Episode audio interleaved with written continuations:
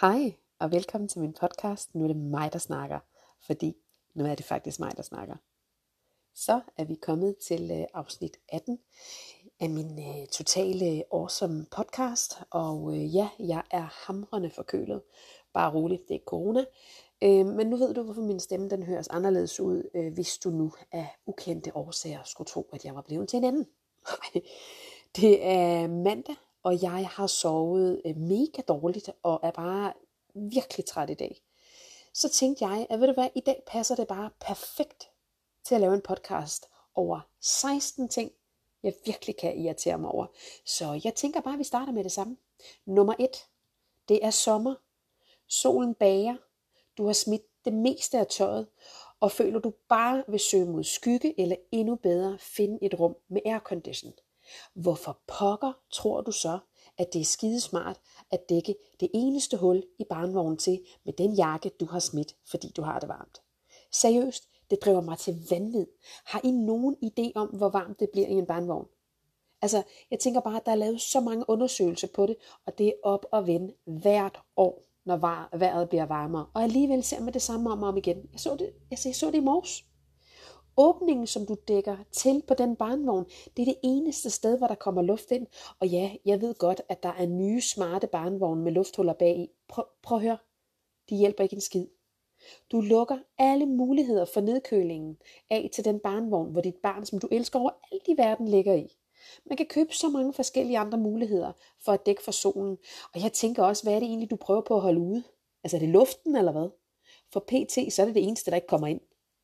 Køb en lille parasol til den vogn. Altså vend vognen om, så bebsen ikke får sol i øjnene, og så må du skulle selv gå akavet. Alt andet end at dække vognen med klude, tøj og andre latterlige ting, du ikke selv gider at bære på.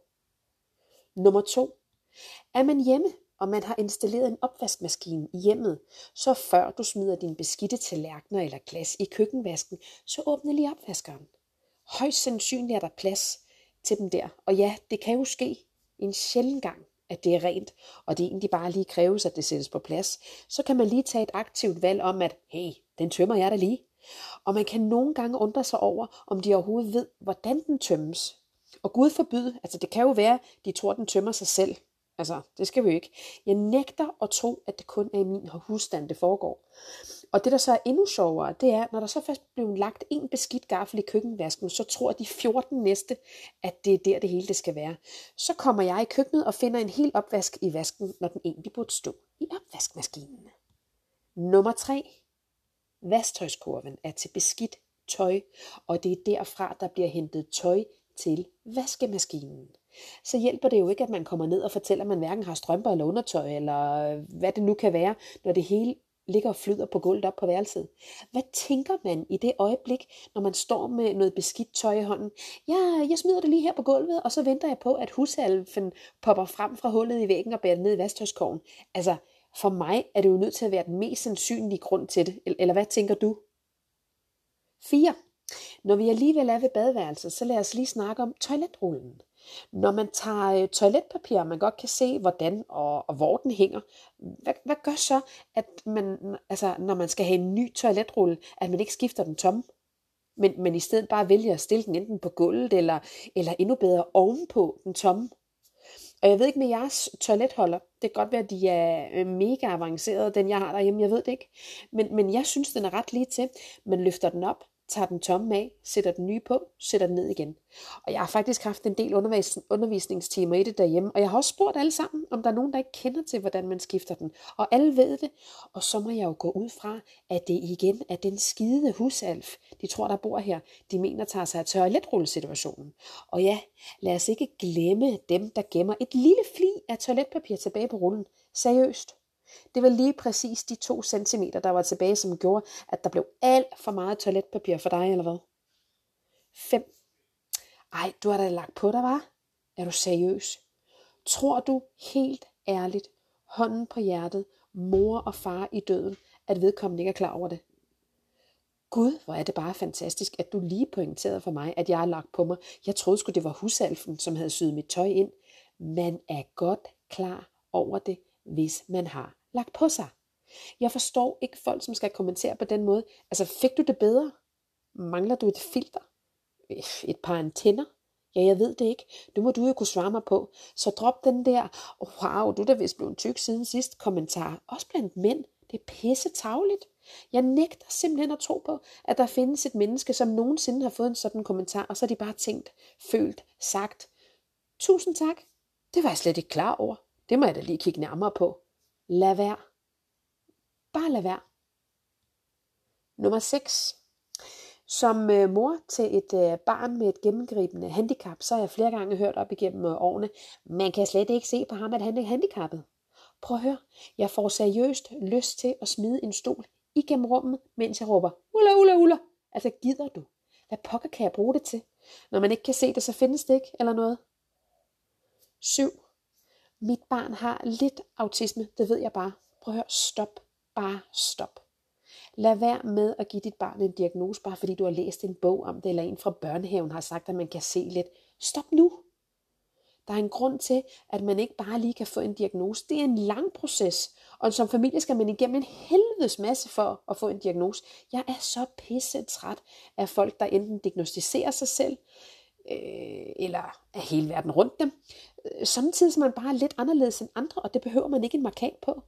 Der står den mor her og fortæller, at hendes søn han er lidt autistisk, fordi det har hun læst, og det står barnet og lytter til. Så bliver barnets virkelighed jo pludselig, nå ja, jeg er jo lidt anderledes, så skal jeg opføre mig på en speciel måde. Nej, din psykolog må heller ikke uddelegere diagnoser. Du skal have en lægelig baggrund for at kunne gøre det. Og så er det altså en lang proces. Så hold diagnoserne for dig selv, indtil du har papir på det. Alt andet bliver sgu for dumt. 8. Jeg har aldrig nogen penge, og jeg har ikke råd til noget. Jeg mangler mad til mine børn.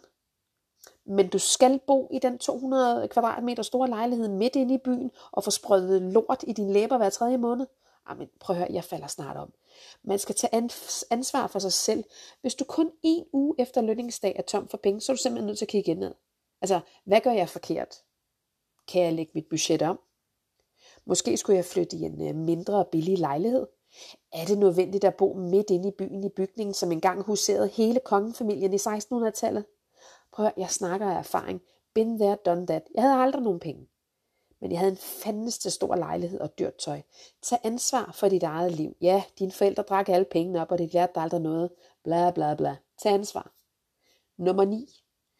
Når nogen snakker til dig, eller kræver din opmærksomhed, så prøv lige at lægge din telefon væk. Der er ikke noget mere irriterende at snakke med en, som står begravet med hovedet i telefonen og bare mumler, mm, mm, ja, mm, mm. Kig på folk, når I snakker sammen, og giv dem din opmærksomhed. Nummer 10. Når du er ude med dine børn, så læg din telefon væk.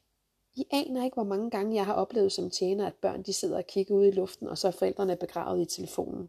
Jeg havde faktisk et bord på et tidspunkt med en mor, far og tre børn. Alle fem personer sad begravet i deres telefoner. Ingen var til stede. Ingen snakkede med hinanden. Livet er så skrøbeligt, og i et split sekund kan det ændre sig 180 grader. Så lev lige nu. Kig på dine børn. Snak sammen. Kig på din mand. Vær sammen. Vi har ikke mange regler hjemme hos os, men vi har en, som altid er blevet øh, håndhævet uden undtagelser. Når vi spiser aftensmad, som er en af de få stunder, hvor vi alle er samlet, så er det top forbudt at have mobilen med bordet, uanset hvad. Vi kan bruge øh, 15 minutter på en spisning, vi kan også sidde i to timer, men den mobiltelefon der, den er bandlyst. Alle ved det, og alle følger den regel. Det er her, vi følger op på hinanden. Går det godt i skolen? Hvad har du lavet i dag? Er der styr på lektierne? Og vi har haft rigtig mange politiske øh, diskussioner under vores aftensmad og løst mange af verdens problemer. så når jeg er ude at spise, så vær sammen. Det var sgu da vel derfor, I tog ud til at starte med. 11. Folk, som skal snakke højlydt, så alle rundt dem kan høre det. Prøv at høre, jeg får spat. Hvad får du ud af det? At jeg kan høre, hvor, hvor sejt eller forfærdeligt du har det? Seriøst, jeg gider ikke, og tænker heller ikke, at lysten er stor hos andre. Og nej, du behøver ikke at drøfte hele din børneværnssag voldsdom i bussen med din højeste stemme. Prøv at høre, venter du på, at der skal sidde en advokat i bussen, og så bare tænke, ved du hvad, det der, det ligner en sag for mig. Den tager jeg. Ej, lad være. Bare lad være. 12. Når der bliver skrevet på Facebook, det havde jeg ikke troet om dig, eller jeg er knust, og så ikke mere. But why? Hvorfor skriver man sådan noget? Og endnu værre er det så, når folk de begynder at spørge ind til, og så er svaret bare, øh, jeg kan ikke snakke om det, eller skriv privat. Ej, gider du? Hvorfor bliver det overhovedet slået op til at starte med? Er det opmærksomhed? Mangel på omsorg? Hvad er det? Så næste gang du får lyst til at skrive kodesprog om ligegyldige ting, som du slet ikke kommer til at svare på, kan du så ikke lige stoppe et øjeblik og forsøge at finde ud af, hvorfor du gør det? Fordi jeg vil virkelig gerne vide det. Nummer 13. Jeg har fået en øh, rød prik på benet. Øh, ved I, hvad det er? Jeg har en tid hos lægen i morgen. Prøv lige at høre her. Nogle gange kan man altså bare få en prik, uden at der er nogen grund til det. Nej, du behøver ikke at rende til lægen hver gang du får feber eller nyser. Prøv, i Norge koster det penge at komme til lægen. Det skulle man måske vurdere i Danmark også. Heller en gang for meget end en gang for lidt. Åh, oh, så stop dog, mand. Brug noget sund fornuft, og for Guds skyld lad være med at google dine symptomer, for så har vi alle pludselig aggressiv røvhulskræft. Nummer 14. Mit barns morgentemperatur plejer at ligge på øh, 36,9 grader. Her til morgen er den 37,3 grader. Er det så feber? Wow, wow, wow, wow, wow. Stop lige. Stop lige op en gang. For det første, hvordan pokker ved du, hvad dit barns normale morgentemperatur er? Tager du seriøst dit barns temperatur hver morgen? Kom lille Lise, ned med buksen. Mor skal lige tjekke, om din normale temperatur stemmer med i går. Stop. Altså bare stop. Du kan være dødsens syg og ingen feber, og du kan have feber og ikke fejle noget. Lad nu være med at gøre det til et pejlmål her i livet, at du til enhver tid skal vide dit barns temperatur. Skal jeg fortælle jer en lille hemmelighed? Det bliver kun mellem os.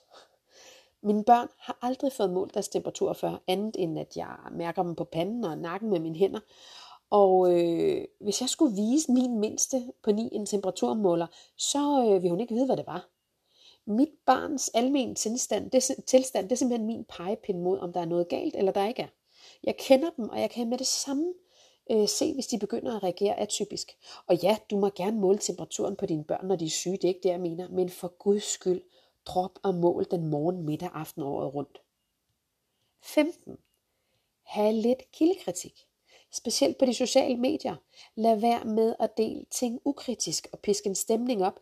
De fleste videoer, der florerer rundt omkring på nettet, giver kun et øjebliksbillede af, hvad der sker. Hvad skete der op til og efter? Det er der ikke nogen, der ved. Nummer 16. Har du ikke noget godt at sige, så lad være med at sige noget overhovedet. Man må gerne scrolle videre på et opslag på de sociale medier. medier. Altså, man kan jo aldrig være sikker, ved ikke om du har indgået en eller anden speciel kontrakt med Facebook om, at du skal kommentere alt, du kommer over, ellers så bliver du bandløst. Og nej, der findes selvfølgelig ikke en sådan kontrakt, vel? Fik du det bedre, når du skrev noget grimt og ligegyldigt til et vildt fremmed menneske på Facebook? Hvis du gjorde, så skal du måske lige finde årsag til dit fuldstændig latterlige følelsescenter i din hjerne. Scroll videre. Bare scroll videre. Hold da op, hvis jeg skulle skrive alt, jeg tænker nogle gange, når jeg er på de sociale medier til folks opslag eller kommentarer. Ej, ej, ej, det kommer aldrig til at ske, for jeg scroller videre. Wave and smile. Just wave and smile. Det var lige det, jeg havde på stående fod kunne komme på, der bare pisse irriterer mig lige i dag. Fik jeg det bedre? Mm, føler mig lidt lettere. Så men nu vil jeg tage hjem fra kontoret, hente min datter i skole, og så skal jeg skifte toiletrulle, tømme opvaskeren og vaske tøj. Mine børn skulle jo nødig tro, at der er sket deres husalf noget. Tak fordi du lyttede med, og kan I alle have en helt igennem dejlig sommerlig mandag.